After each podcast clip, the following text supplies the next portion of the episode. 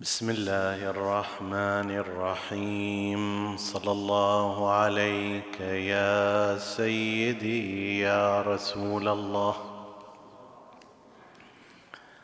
صلى الله عليك وعلى ابن عمك أمير المؤمنين وإمام المتقين. صلى الله عليك يا سيدي يا أبا عبد الله الحسين. وعلى أهل بيتك الطيبين الطاهرين ما خاب من تمسك بكم. وامن من لجأ إليكم. يا ليتنا كنا معكم فنفوز فوزا عظيما.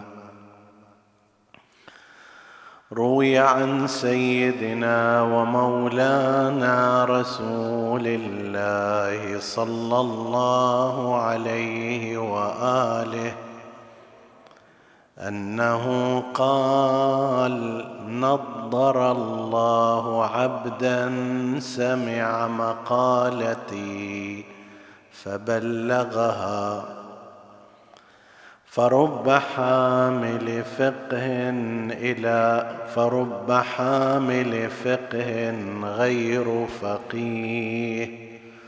ورب حامل فقه إلى من هو أفقه منه.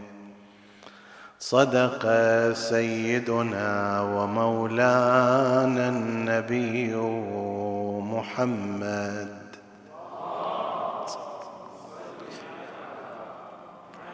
اللهم صل اللهم صل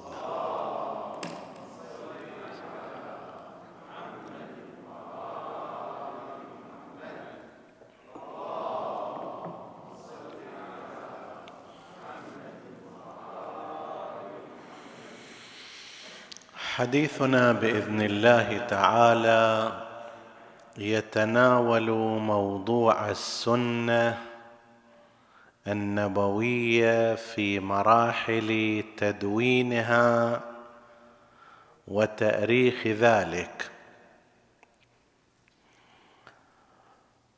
وقد سبق في ليلة مضت أن تحدثنا عن أن زمان رسول الله صلى الله عليه وآله شهد اهتماما بحفظ سنة رسول الله في الصدور وبتدوين أحاديثه في السطور وكان ذلك تحت نظر رسول الله وضمن أوامره صلوات الله وسلامه عليه.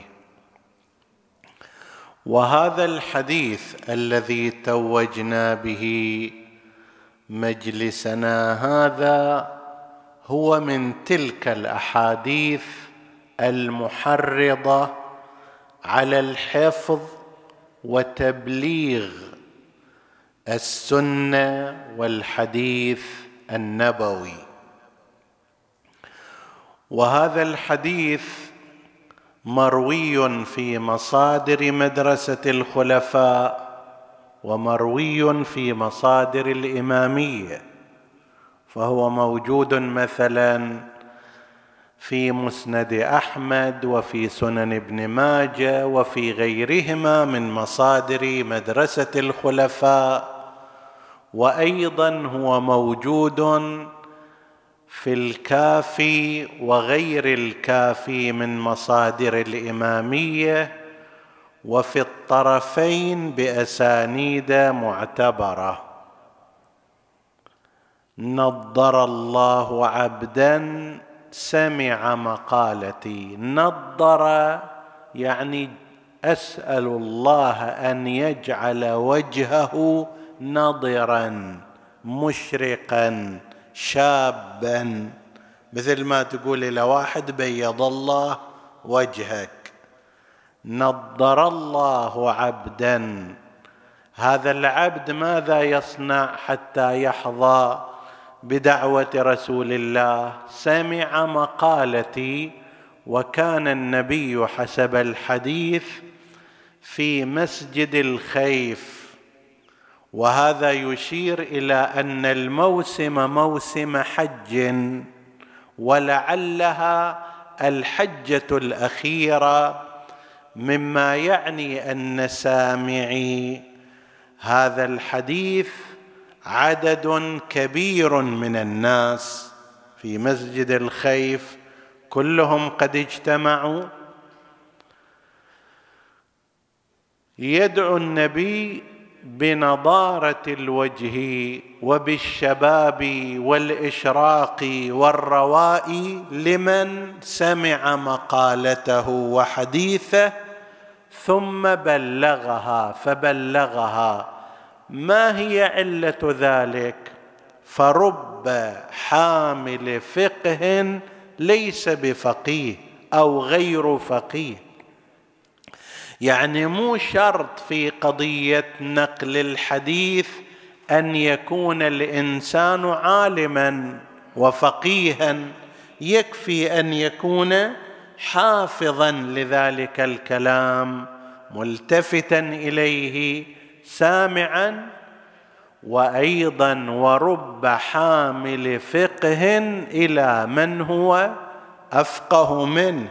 هذا الذي يحفظ الحديث ويبلغه لمن بعده يقوم بعمل مهم أنه سوف تأتي أجيال من الفقهاء والعلماء والمحققين وتنظر في هذا الحديث وتستفيد منه معاني كثيرة ورب حامل فقه إلى من هو أفقه منه هذه أيضا من تلك التوجيهات النبوية لحفظ سنته ولنقلها وتبليغها. وقد تحدثنا في الليلة التي مضت أن الاهتمام بهذه السنة على مستوى الحفظ والكتابة والتدوين كان قائما بين المسلمين. المرحلة الثانية فيما يرتبط بالسنة النبوية هي مرحلة ما بعد رسول الله صلى الله عليه وآله. الخلافه في دورها الأول ودورها الثاني منعت من التحديث وعارضت التدوين لمبررات ذكرتها وسوف نقوم بمناقشتها في وقت يأتي. الآن حديثنا هذه الليلة عرض تاريخي لما جرى مع سنة رسول الله صلى الله عليه وآله في مراحلها التاريخية المختلفة. مبررات منع التدوين تأتي فيما بعد إن شاء الله. الخلافه في دورها الأول ودورها الثاني قامت بأمرين. من الناحية الرسمية أتلفت ما كان مكتوبا من الأحاديث عند أصحاب رسول الله صلى الله عليه وآله وفهم من ذلك المنع من التدوين والمنع من التحديث وتبليغ الحديث.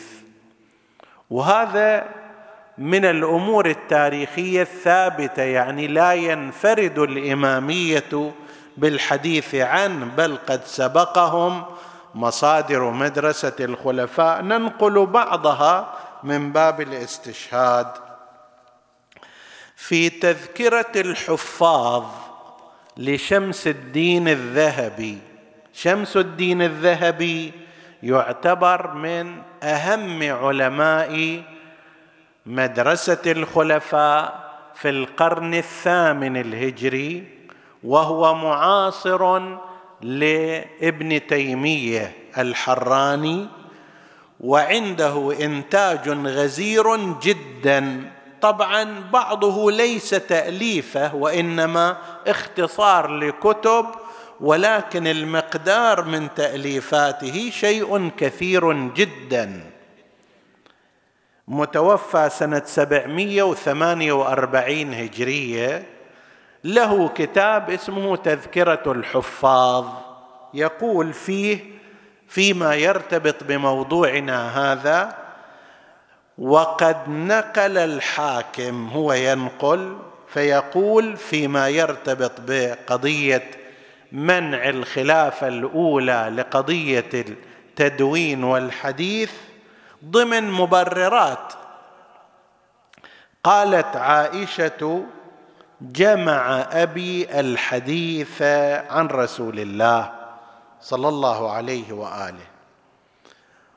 جمعه يعني لمه من أشخاص لأنه هو الخليفة الأول حسب ما نقل روى عن النبي 129 حديثا.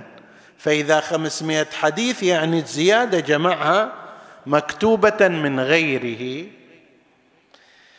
فبات ليلته يتقلب كثيرا. ما نام؟ قالت فغمني. ابنته عائشة زوجة النبي تقول غمني ذلك فقلت له أتتقلب لشكوى مرض أو لشيء بلغك خبر مقلق؟ فلما أصبح قال أي بنيه هلمي الأحاديث التي عندك. فجئته بها فدعا بنار فحرقها. جيب الأحاديث هذه الخمسمية. فجئته بها فدعا بنار فأحرقها. فقلت لما أحرقتها؟ فقال خشيت أن أموت وهي عندي فيكون فيها أحاديث عن رجل قد ائتمنته ووثقت به ولم يكن كما حدثني فأكون قد نقلت ذلك. ما هو السبب في إتلاف هذه الأحاديث؟ قال لأنه ربما يكون بعض من حدثني بها غير صادق غير صادق غير ثقة وأنا نقلتها أيضا عنه فلما أنقلها إلى غيري راح يتورط هذا فيها. هذا الحديث الأول المنقول. حديث آخر ينقله بعنوان وعن مراسيل أبي مليكة. أن الصديق يقول أن الصديق جمع الناس بعد وفاة نبيهم فقال إنكم تحدثون عن رسول الله صلى الله عليه وآله. أحاديث تختلفون فيها. هذا يقول شيء ذاك يقول شيء آخر. والناس بعدكم أشد اختلافا. إذا الناس سمعوكم راح يختلفون بعد أكثر. فلا تحدثوا عن رسول الله شيئا فمن سألكم فقولوا بيننا وبينكم كتاب الله فاستحلوا حلاله وحرموا حرامه. نفس الفكرة التي أشار إليها رسول الله صلى الله عليه وآله أنه ليكون نشوف واحد يجي يقول مثلا بيننا وبينكم كتاب الله وما علينا بالأحاديث. فاذا هذه الرواية الثانية تقول الأمر مو فقط صار إتلاف إلى الحديث وإنما لا تعميم على الناس خطابه رسمية من قبل السلطة الرسمية في البلد تقول أنه لا تتحدثوا عن رسول الله وإذا أحد سألكم في مسألة قولوا بيننا وبينكم كتاب الله.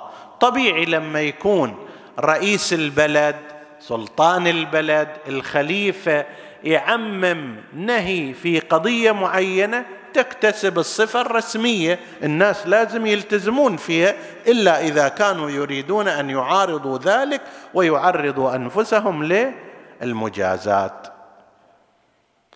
طبعا إحنا لما نتحدث في هالأمور هذا كله بمعزل عن أهل البيت النبوي عن علي أمير المؤمنين وعن أصحابه الخلص المؤتمرين به وعن أولاده صلوات الله عليهم. الآن نحن نتحدث ضمن الإطار العام. لما إجينا إلى الخلافة في دورها الثاني أيضا تم تأكيد المنع عن الحديث والمنع عن التدوين.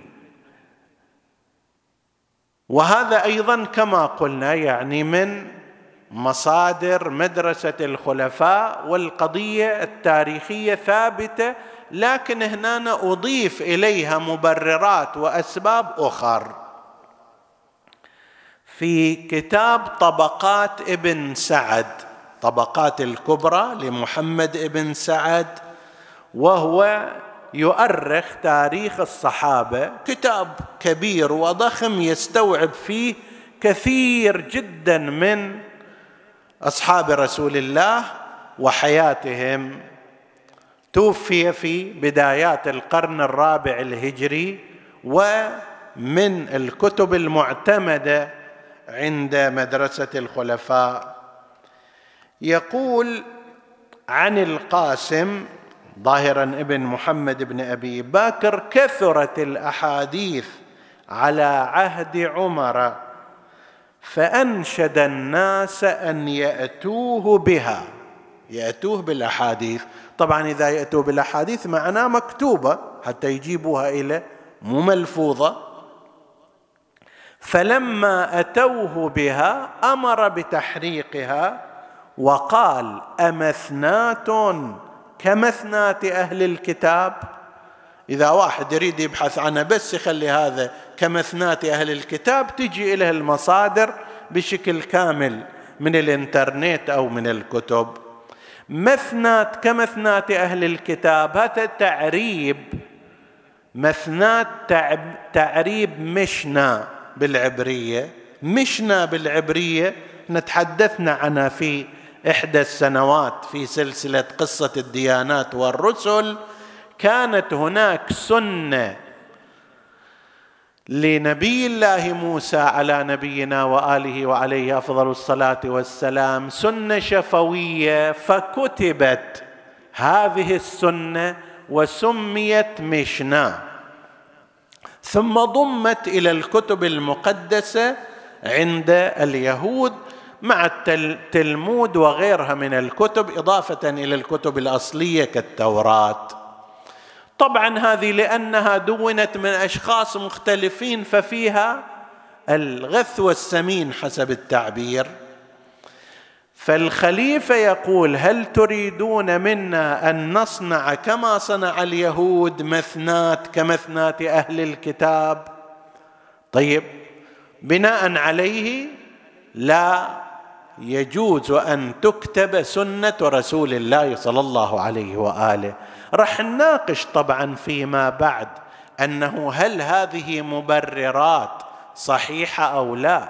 ماذا نصنع بها مع أمر رسول الله صلى الله عليه وآله بحفظ سنته وإبلاغها وكتابته هو الكتب كما مر في ليلة مضت. هو كتب وأمر بالكتابة وكتب له علي بإملاء رسول الله. طيب. في حديث آخر أيضا ينقل أن عن الزهري أن عمر أراد أن يكتب السنن فاستخار الله شهرا ثم أصبح وقد عزم له فقال ذكرت قوما كتبوا كتابا فأقبلوا عليه وتركوا كتاب الله. هذا سبب جديد أنه لا إذا تصير كتابه للأحاديث والسنن عن النبي الناس راح يتركون كتاب الله.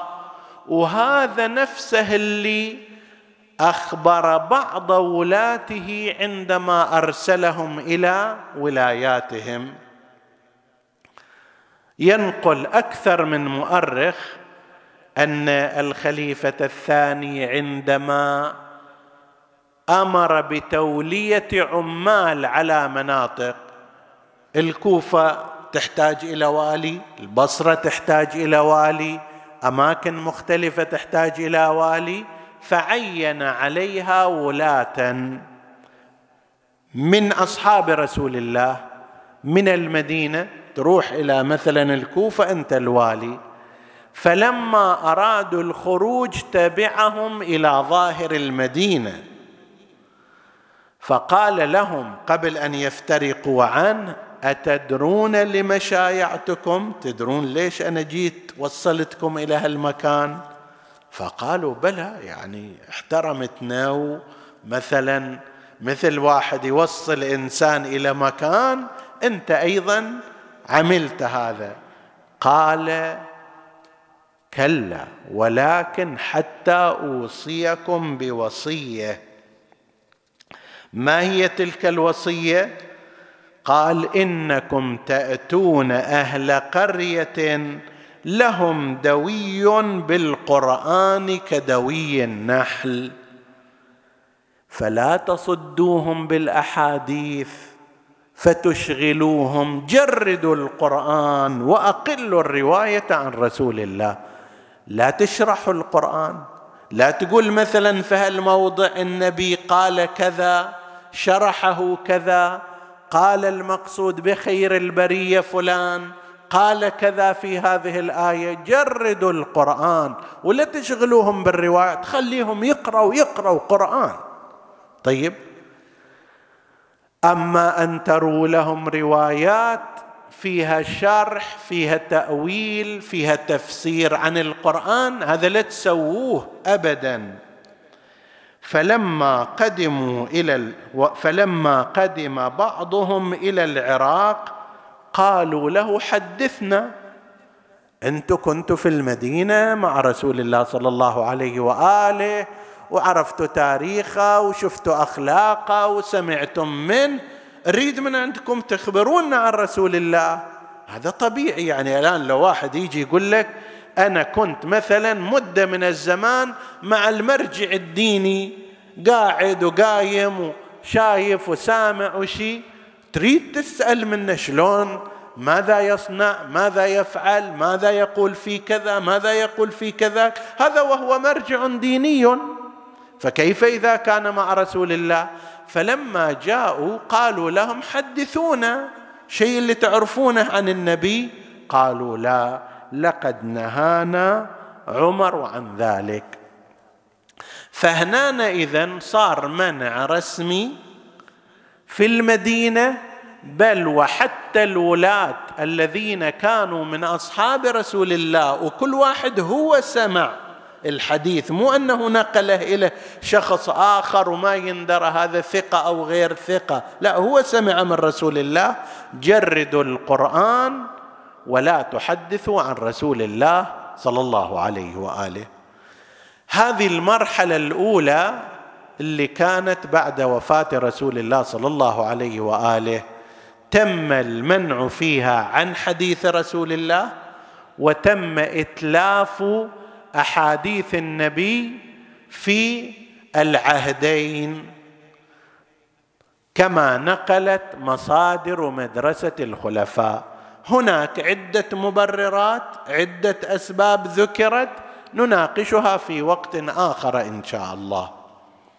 المرحلة الثالثة بحسب هذا التسلسل قلنا المرحلة الأولى زمان النبي المرحلة الثانية بعد وفاة رسول الله في أيام الخلفاء إجينا أيضا في زمان الخليفة الثالث نفس الكلام ولم يتغير حتى أنه نقل أن أبا ذر الغفاري كان يحدث في منى عن رسول الله فاجتمع عليه الناس فجاءه من طرف الخليفة الثالث من أخبره أنه ألم تسمع نهي الخليفة عن ذلك لا تحدث أنت لا تتكلم بهذه الأحاديث.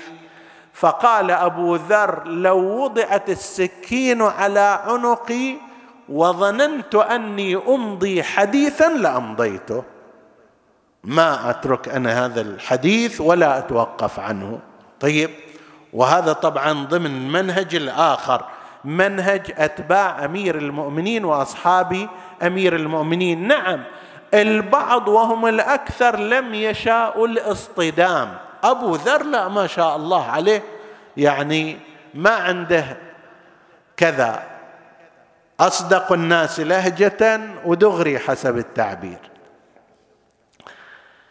زمان أمير المؤمنين استثني من هذا لأنه الإمام أمير المؤمنين من زمان النبي وهو يكتب سنته ويعلمها أولاده وأهل بيته ويحتفظ بكتب العلم. كتاب علي كما ذكرنا كتاب في قراب سيفه. الحديث اللي البارحة نقلناه ملأ اديما. من أمامه ومن خلفه من إملاء رسول الله وكتابته وتقدم هذا. نجي إلى المرحلة الثالثة وهي زمان بني أمية أيام. العهد الأول الأموي زمان معاوية ابن أبي سفيان. معاوية ابن أبي سفيان كان واضح في القضية. أنا ما يهمني كأن لسان حاله يقول ما يهمني أنه يستحب أكل التمر في المغرب أو ما أدري كذا. آنا يهمني مجموعة من الأحاديث هذه ممنوعة. هذه هي محط نظري في المنع. وذلك عندما جاء إلى المدينة واجتمع مع عبد الله بن عباس. عبد الله بن عباس من أكثر الأشخاص رواية وبالذات عن أمير المؤمنين عليه السلام تلميذه القريب منه. فقال معاوية لابن عباس إنا قد كتبنا في الآفاق ننهى عن ذكر مناقب علي وأهل بيته.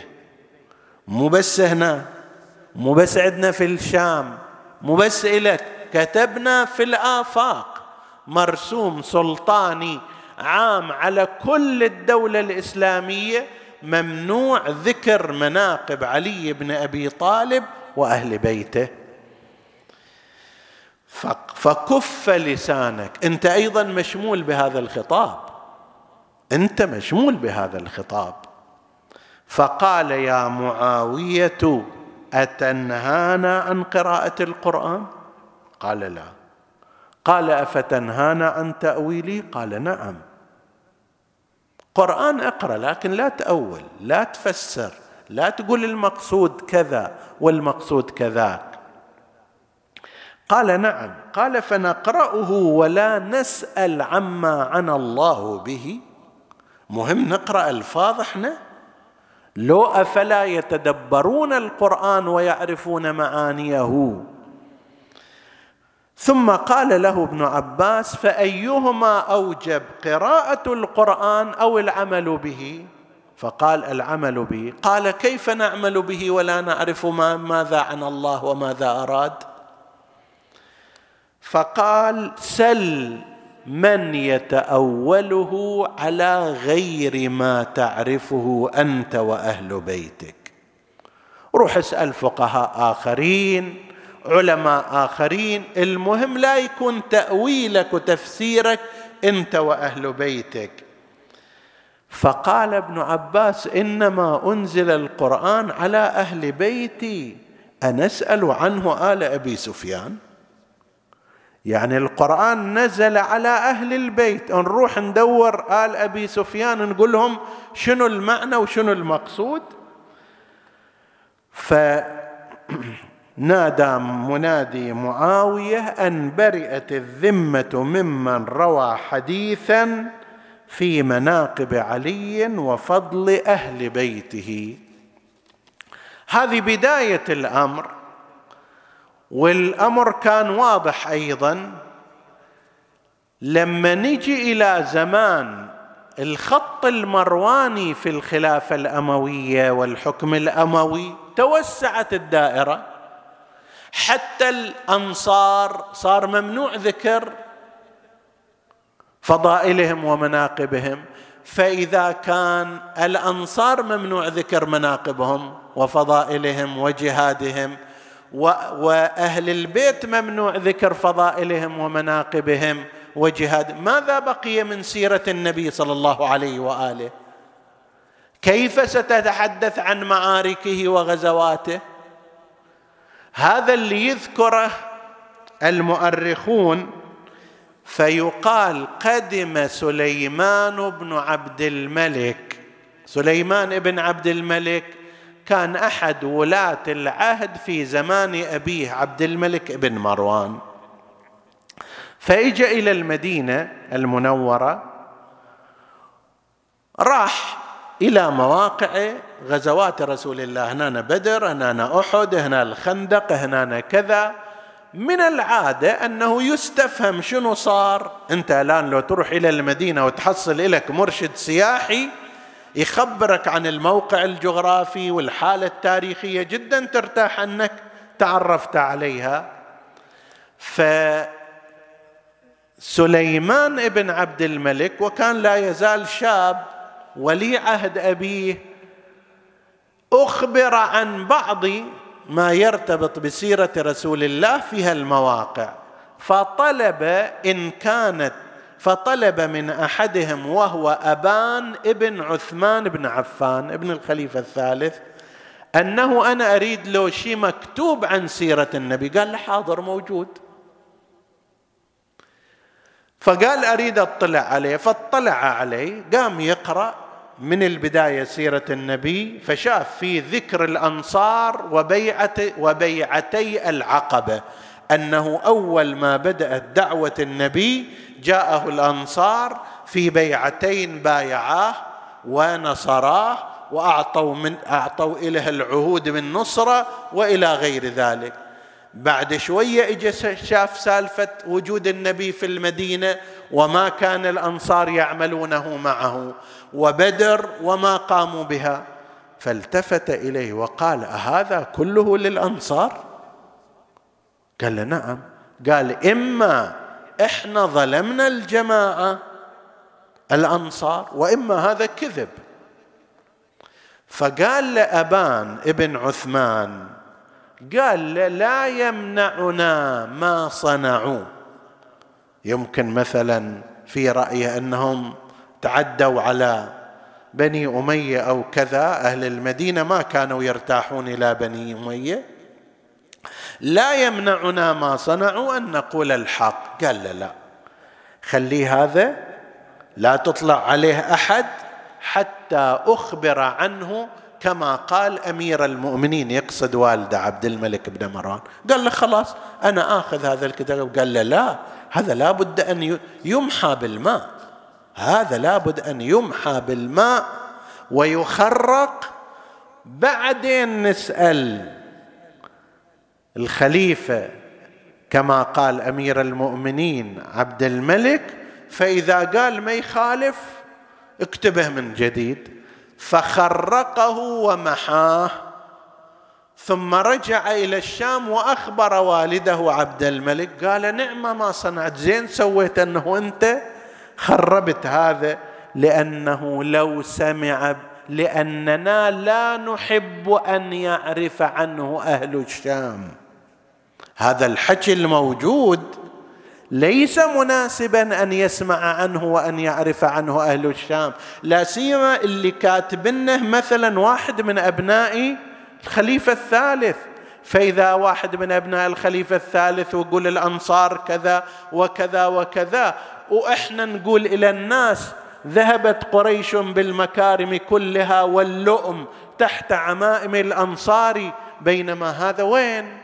هذا الأنصار اصحاب بطولات ووفاء وعهود مرعية وبايعوا النبي من أول الأمر وأقاموا الدين والرسالة. وإحنا نقول هذول لؤماء وسيئون وإلى آخره. ما لازم ينسمع هذا. فخرق ذلك كتاب السيرة الذي كان جاهزا وحاضرا في زمان عبد الملك بن مروان عن طريق رؤية ابنه سليمان بن عبد الملك.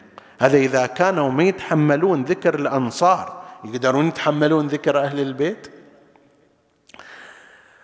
خالد بن عبد الله القسري وهو أحد ولاتهم في فترة على الكوفة وأخرى على المدينة يبين الأمر.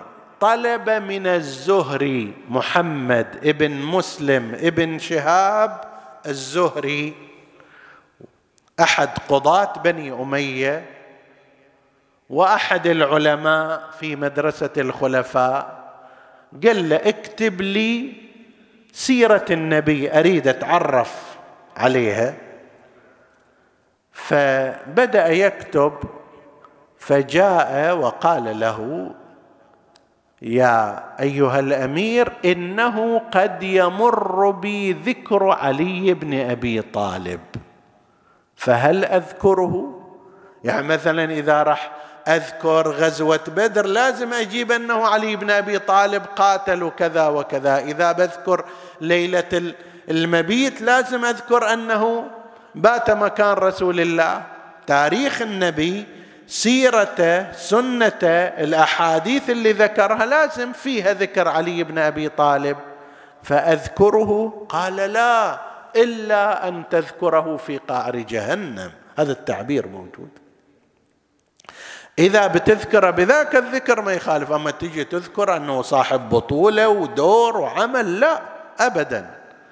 فهذا التوجيه والاستمرار كان على المنع المشدد من تدوين سيرة رسول الله وسنته وأحاديثه لا سيما تلك التي ترتبط بمناقب آل محمد.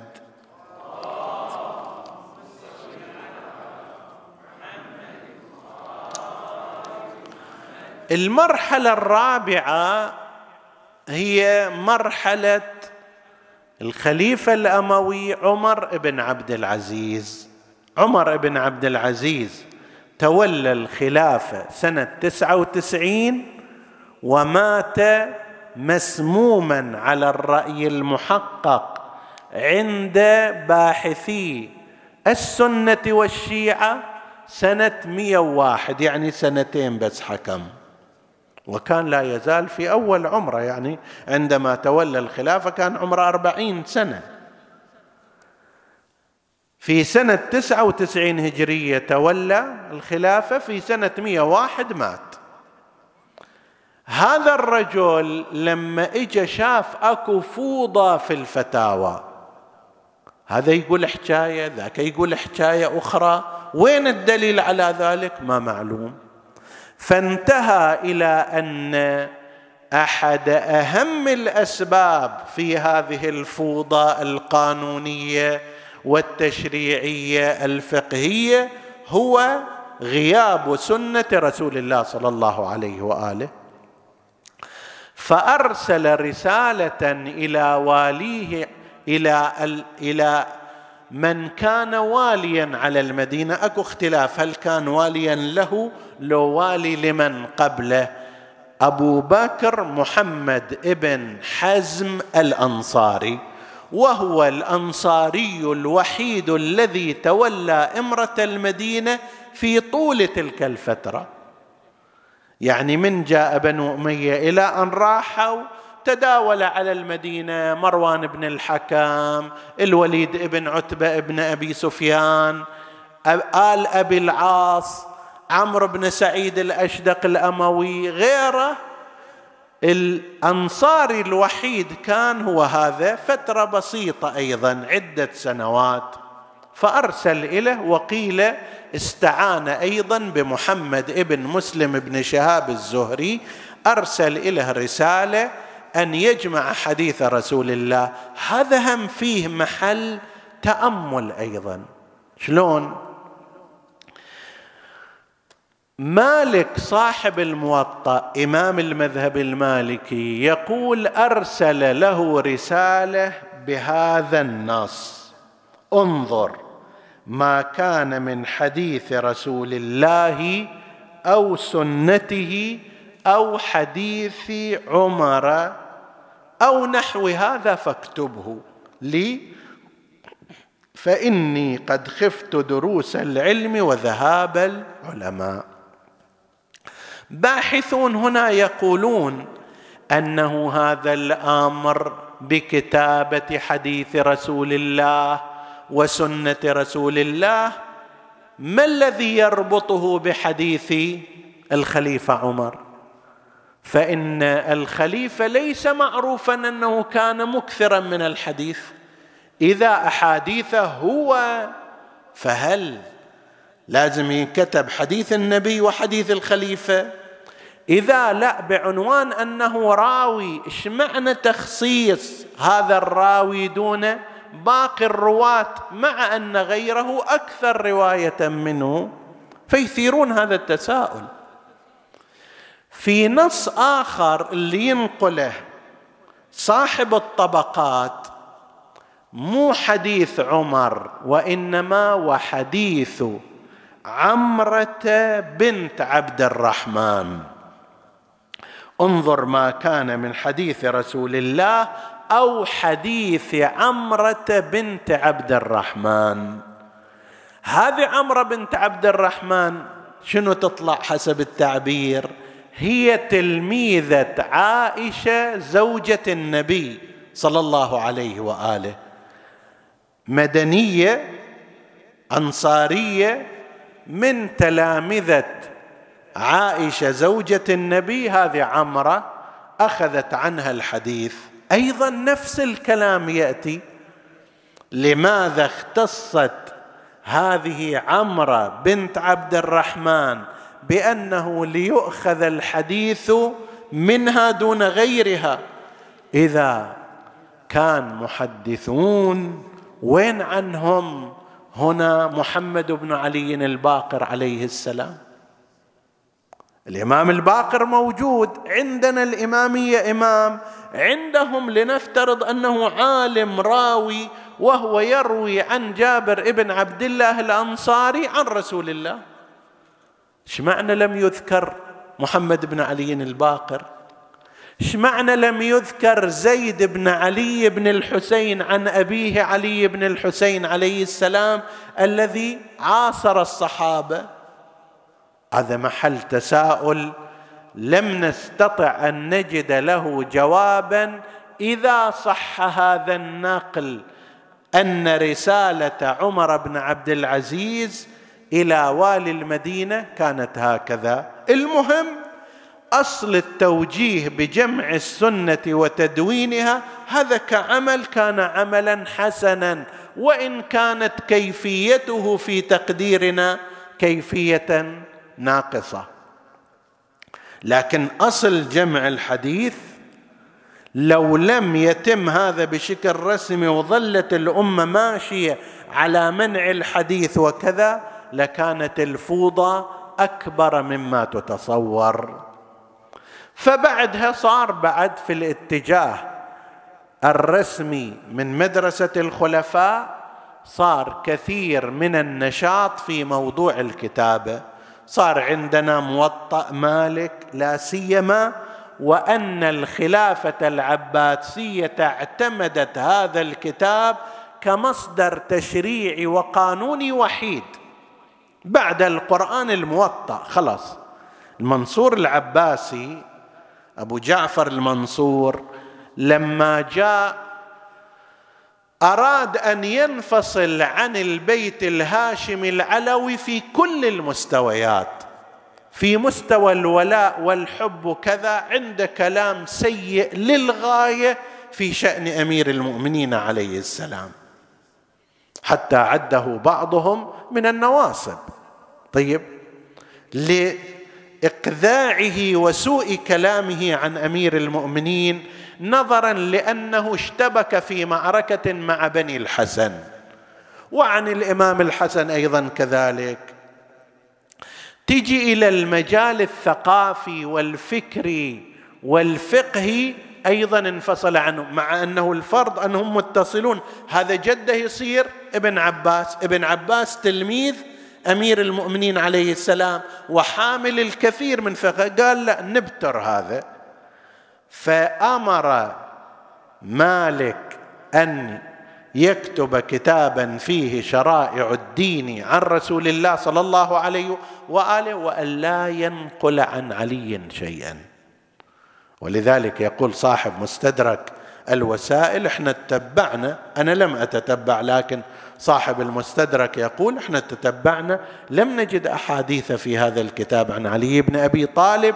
هذا وهو باب مدينة علم رسول الله.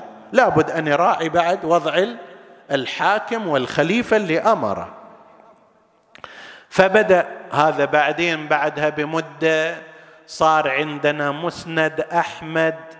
ابن حنبل الإمام أحمد ابن حنبل متوفى سنة 241 مالك توفي سنة 179 بعده بحوالي عدة عقود توفي الإمام أحمد بن حنبل صاحب المسند مسند أحمد.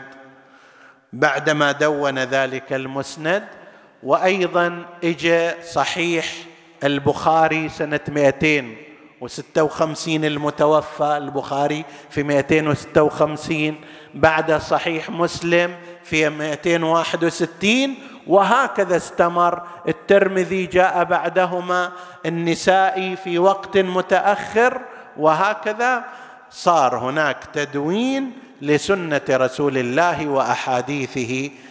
هذه إلنا فيها رأي ونظر سوف نتحدث عنها في وقت لاحق إن شاء الله تعالى.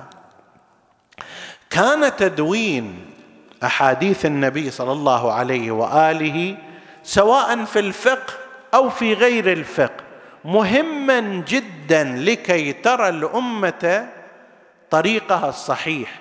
بدون ذلك وجدنا التخبط مو فقط على مستوى الفقه بل لأنه نسيت أحاديث رسول الله غير بعضها فقد بعضها أتلف بعضها.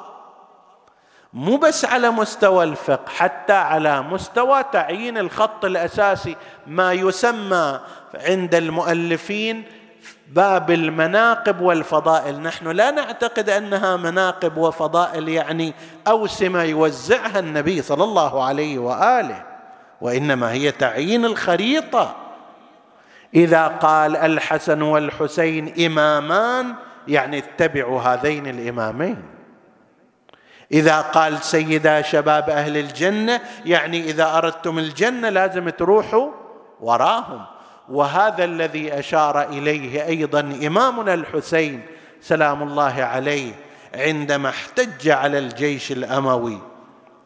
قال أولم يبلغكم قول رسول الله صلى الله عليه وآله أو مقالة رسول الله صلى الله عليه وآله في وفي أخي الحسن هذان سيدا شباب أهل الجنة.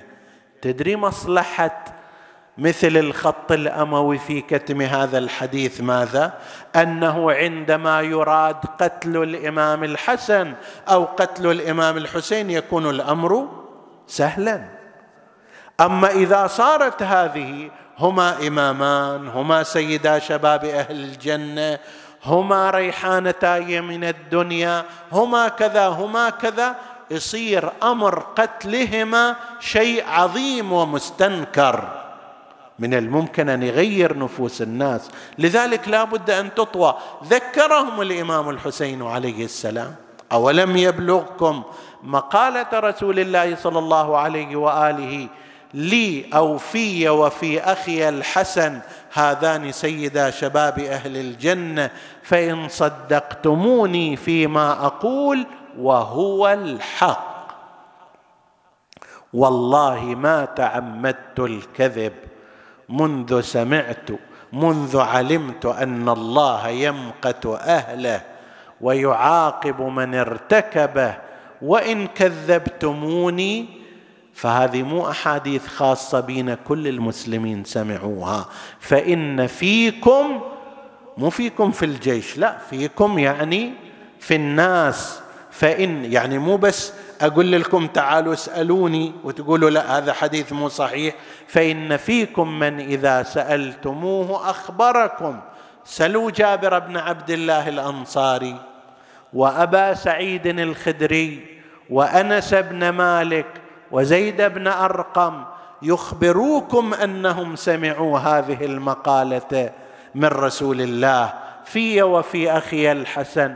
ويحكم أما في هذا حاجز لكم عن سفك دمي وارتك وانتهاك حرمتي؟ هذه المقالة من النبي ما تردعكم ما تجعلكم تتأخرون؟ لكن قست القلوب فلم تمل لهداية. تبا لهاتيك القلوب. القاسية ما ذاق طعم فراتهم؟ حتى قضى ظما فغسل بالدماء القانية. هذا هو ومعه تلك الثلة والصفوة الطاهرة من أنصاره من أهل بيته ومن أنصاره الذين جاهدوا بين يديه أعظم الجهاد وأخلص الجهاد وضحوا بأنفسهم أمامه. يقول القائل منهم والله لوددت أني أقتل ثم أحرق ثم أنشر ثم أقاتلهم ثم أقتل يفعل بي ذلك سبعين مرة. وأني قد دفعت القتل عنك وعن أهل بيتك. طوبى لهم هنيئا لهم فئة إن تعاور النقع ليلا أطلعوا في سماه شهب الرماح وإذا غنت السيوف وطافت أكؤس الموت وانتشى كل صاحي باعدوا بين قربهم والمواضي وجسوم الأعداء والأرواح أدركوا بالحسين أكبر عيد. يوم العيد شنو يحتاج؟ يحتاج إلى أضحية يحتاج إلى قربان. كان لقاء الحسين لهم عيدا وكانوا هم القرابين. أدركوا بالحسين. أكبر عيد فغدوا فيه من الطفوف. أضاحي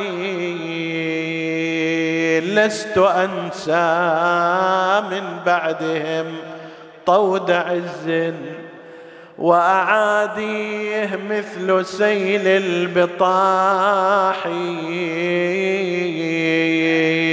وقف على مصارعهم بعدما قتلوا.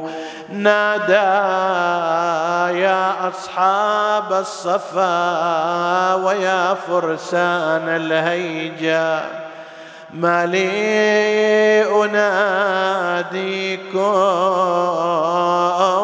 فلا تجيبون وأدعوكم فلا تسمعون.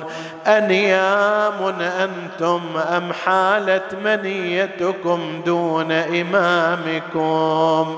وإلا لما كنتم عن نصرتي تقصرون ولا عن دعوتي تحتجبون. هذه بنات الرسول لفقدكم قد علاهن الذهول. فإنا لله وإنا إليه راجعون. لما رأى السبط أصحاب الوفا قتلوا. نادى أبا الفضل أين الفارس البطل؟ وأين من دوني الأرواح قد بذلوا؟ بالأمس كانوا معي واليوم قد رحوا وخلفوا بسويد القلب نيرانا. نذر علي لئن عادوا وإن رجعوا. لأزرعن طريق الطف ريحان قضاء حق عليهم دون الخيام ولا خلوا خوات حسين حسين تنضى لما مات وتفايض منهم الهام تهاووا مثل ما هو النجيم. نجيم من خار أحباي لو غير الحمام أصابكم. عتبت ولكن ما على الموت معتب نسألك اللهم وندعوك باسمك العظيم الأعظم الأعز الأجل الأكرم. يا الله اغفر لنا ذنوبنا كفر عنا سيئاتنا. آمنا في أوطاننا. لا تسلط علينا من لا يخافك ولا يرحمنا. ولا تفرق بيننا وبين محمد وآله طرفة عين. احفظ اللهم إخواني السامعين فردا فردا واقض حوائجهم. اشف اللهم مرضاهم لا سيما المرضى المنظورين. اللهم اشفهم بشفائك وداوهم بدوائك وعافهم من بلائك. واكشف اللهم هذا البلاء والوباء عن عبادك يا رب العالمين. تقبل اللهم عمل المؤسسين بأحسن القبول. إلى أرواح موتاهم وموت السامعين نهدي ثواب الفاتحة تسبقها الصلوات.